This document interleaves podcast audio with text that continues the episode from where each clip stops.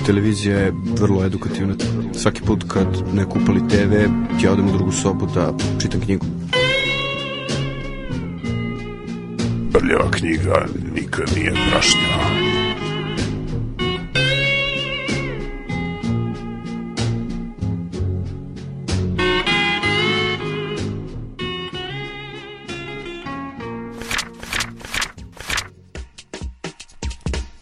This piece was written for Harper's Magazine in uh, reply to the question, when did you stop wanting to be president?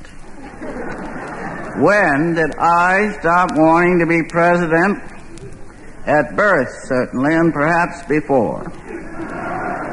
In this life or any previous incarnations, I have been able to check out I never wanted to be president. This innate decision was confirmed when I became literate and saw the president pawing babies and spouting bullshit. I attended Los Alamos Ranch School where they later made the atom bomb. And bombs bursting in air over Hiroshima gave proof through the night that our flag was already there. Then came the Teapot Dome scandal under President Harding, and I remember the unspeakable Gaston Means, scion of an aristocratic Southern family, infamous private eye and go-between in this miasma of graft, walking into a hotel room full of bourbon-drinking, cigar-smoking lobbyists and fixers, with a laundry hamper he puts in the middle of the floor. Da, da, čuli smo da. jedan vrlo kratak odlomak. Jeste, glas koji ste upravo čuli je glas čoveka koga ćemo sad danas i, da predstavimo jeste u rubrici njegov, jedan pisac jedna knjiga je, apsolutno, mislim William S. Barrows ili William Seward Barrows punim mhm. imenom mm -hmm. jedan od apsolutno najznačajnijih ljudi 20. veka sa stanovišta pa ne samo književnosti čak možda i manje književnosti koliko drugih stvari pre svega pop kulture čovjek koji je smislio termine kao što su heavy metal i punk čovjek koji je dakle bio glavni čl, glavni član i tako reći stožer takozvane bit generacije ishodno tome znači avangarda svih stvari koje su dešavale kasnije tokom poznih 50-ih, 60-ih, 70-ih godina i tako dalje. Znači, čovjek koji se radio svim i svačim, a, a dakle, prosto je prosto je teško nekom, na neki način sumirati a, e, nešto što je u toj meri živopisan, zanimljiv i bizaran e, lik i uopšte cela njegova biografija i životni put još uvek su nedovoljno proučeni, mada je nekoliko njegovih biografija objavljeno u poslednje vreme ali to je još uvek jedan prosto zlatni rudnik za onako istoričare pop kulture književne teoretičare uopšte ljude inter, ko, koje interesuje 20. vek on je rođen 1914. godine u St. Louisu u vrlo bogatoj porodici e, dakle njegov deda koji se isto kao i on zvao William Seward Burroughs je izmislio osnova je nešto što je nazvao Burroughs Edding Machine Company, a izmislio je ono što si on zaista zvao Edding Machine,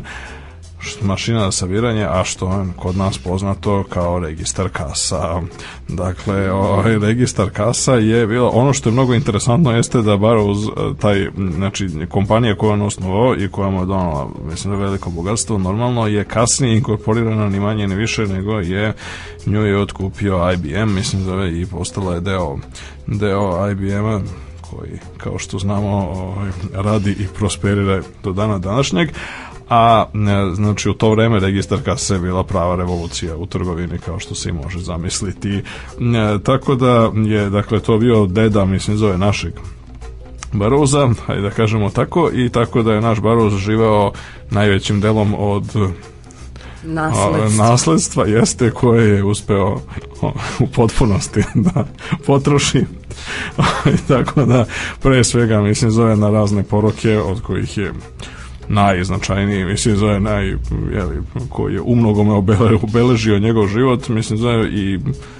mada je prilično dugo živao, mislim da ali verovatno bi živao još duže da nije bio tako ekstremni narkoman tokom dugog perioda vremena i bio je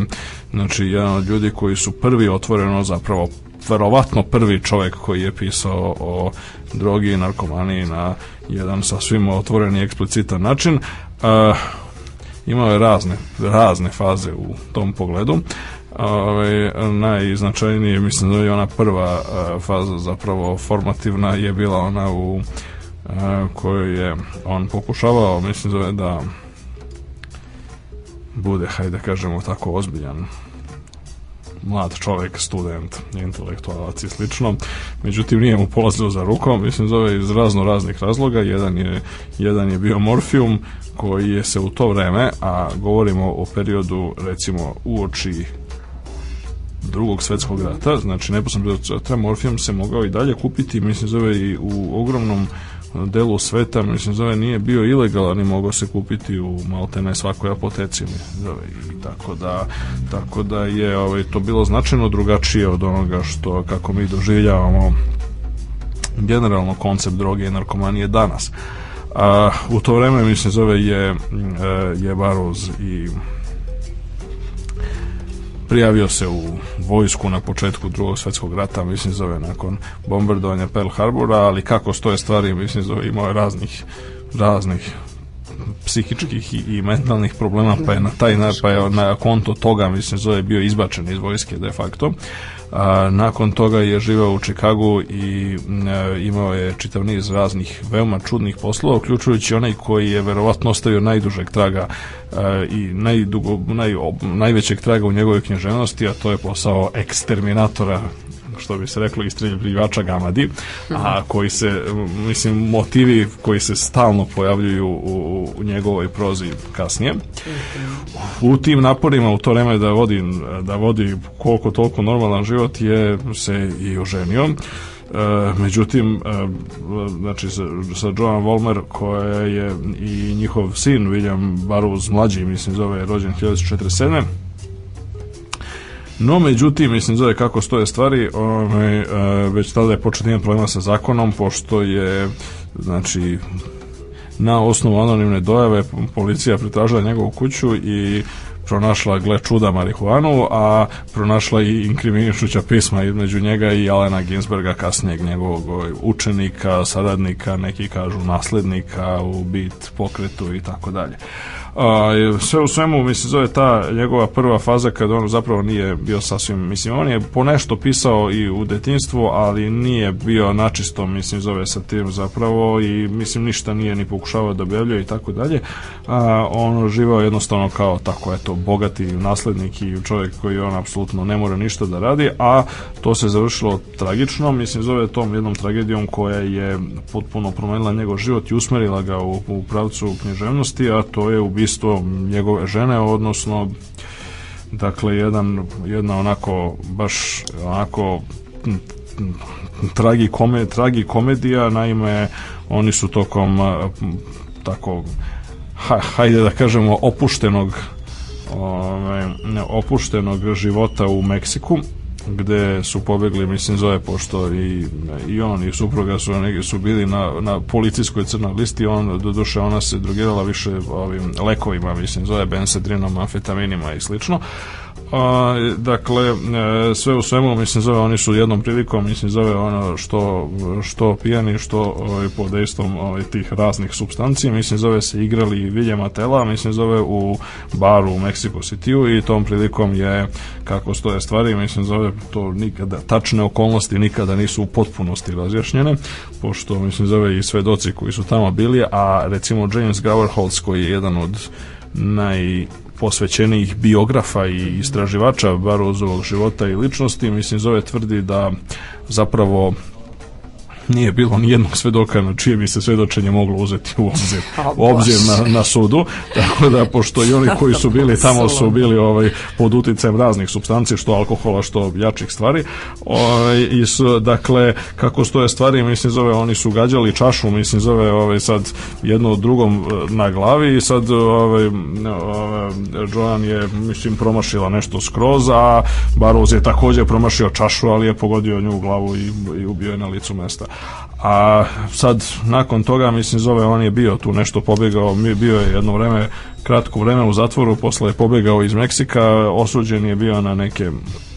na neku kaznu in absentia. E, sve u svemu nije mnogo boravio u zatvoru, ali svi se slažu da je to dramatično ako promenilo njegov život i kako sam kasnije kaže, mislim zove tad je, tad je zaključio da jedino ovaj, kroz umetnost mislim zove može da izrazi mislim zove celu tu ovaj, celu tu svoju tragičnu situaciju i kako često kaže, mislim, zove, ovaj, zapravo tu ga je pratio, mislim, zove ona, eh, duh njegove žene i tako da ceo život i terao ga da, na pisanje i onda je nakon to on počeo recimo od znači od tada mislim da je znači negde to je bilo od 50 i 2001. godine ovaj, je počeo da se bavi ženošću ozbiljno, oformio je jedan eh, kružok svojevrsni u Njujorku, koji je postao, mislim, ono što se kasnije zvalo Beat generacija, njegovi najznačajniji saradnici, mislim, zove Jack Kerouac, Allen Ginsberg, e, još nekoliko ljudi Korso i mislim još, još par e, e, ljudi koji su bili kasnije postali veoma značajni pisci na Brian Jaisin, Jan Somerville i još neki, a, no posebno mislim zove dakle Kerouac i Ginsberg oni su postali veličine sami po sebi i oni su otpočeli sa jednom jednom radikalnim preispitivanjem onoga što je bila dotadašnja e, američka književna tradicija i e, to je na neki način taj prvi e,